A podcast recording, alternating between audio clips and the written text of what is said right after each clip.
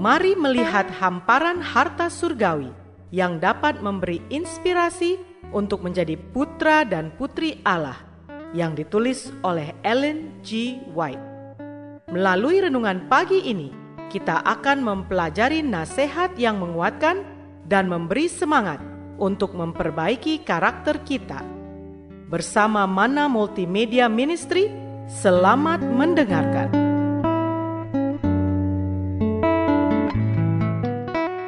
Shalom, selamat pagi saudaraku.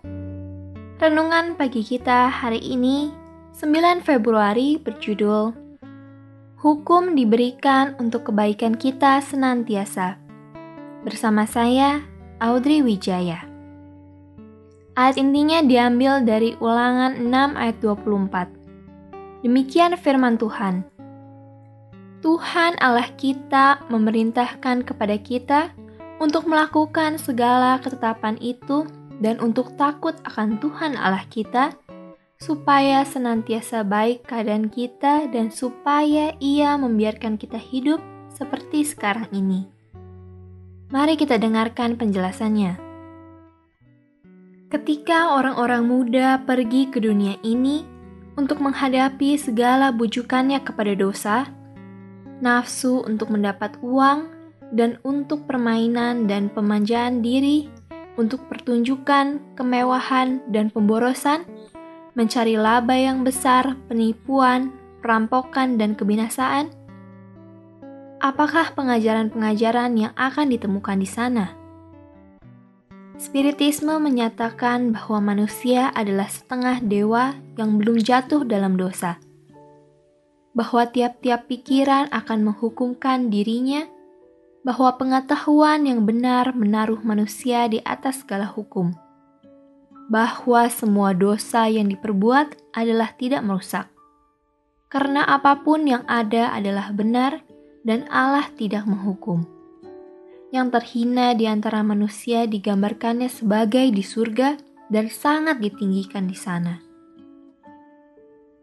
Jadi sangat banyak orang diajak untuk mempercayai bahwa keinginan itulah hukum yang tertinggi, bahwa kebebasan itulah kemerdekaan dan bahwa manusia hanya bertanggung jawab kepada dirinya. Dengan pengajaran seperti itu yang diberikan tepat pada permulaan hidup, ketika pendorong hati sedang sekuat-kuatnya dan tuntutan supaya menahan diri dan suci adalah paling mendesak, di manakah segala pelindung kebajikan? Pada waktu itu juga durhaka sedang berusaha menghapuskan segala hukum, bukan saja yang ilahi, melainkan manusia juga. Demikianlah pengaruh-pengaruh yang harus dihadapi oleh orang-orang muda dewasa ini untuk berdiri di tengah-tengah kegaduhan seperti itu, mereka sekarang harus meletakkan alasan tabiat. Pada tiap-tiap keturunan dan di tiap-tiap negeri, alasan yang benar dan contoh bagi pembangunan tabiat adalah selamanya sama. Hukum ilahi, kasihilah Tuhan Allahmu dengan segenap hatimu, sesamamu manusia seperti dirimu sendiri, Prinsip besar yang dinyatakan dalam tabiat dan hidup juru selamat kita, itulah satu-satunya dasar yang aman dan satu-satunya penuntun yang pasti.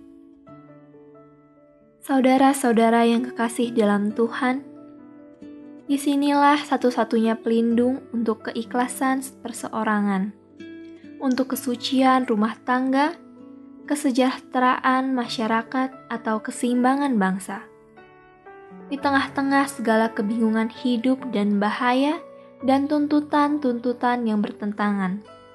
Satu-satunya peraturan yang selamat dan pasti ialah melakukan apa yang dikatakan oleh Allah. Doa kita hari ini, Bapa, terima kasih melalui renungan pagi ini kami boleh belajar tentang pengaruh-pengaruh dunia yang harus dihadapi oleh kami. Terima kasih kami diingatkan untuk membangun tabiat sesuai dengan hukum Allah.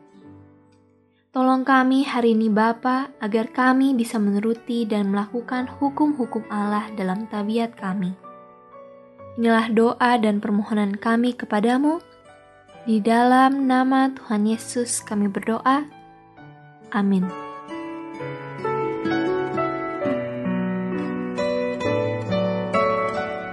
Demikianlah tadi pembahasan tentang menjadi putra dan putri Allah.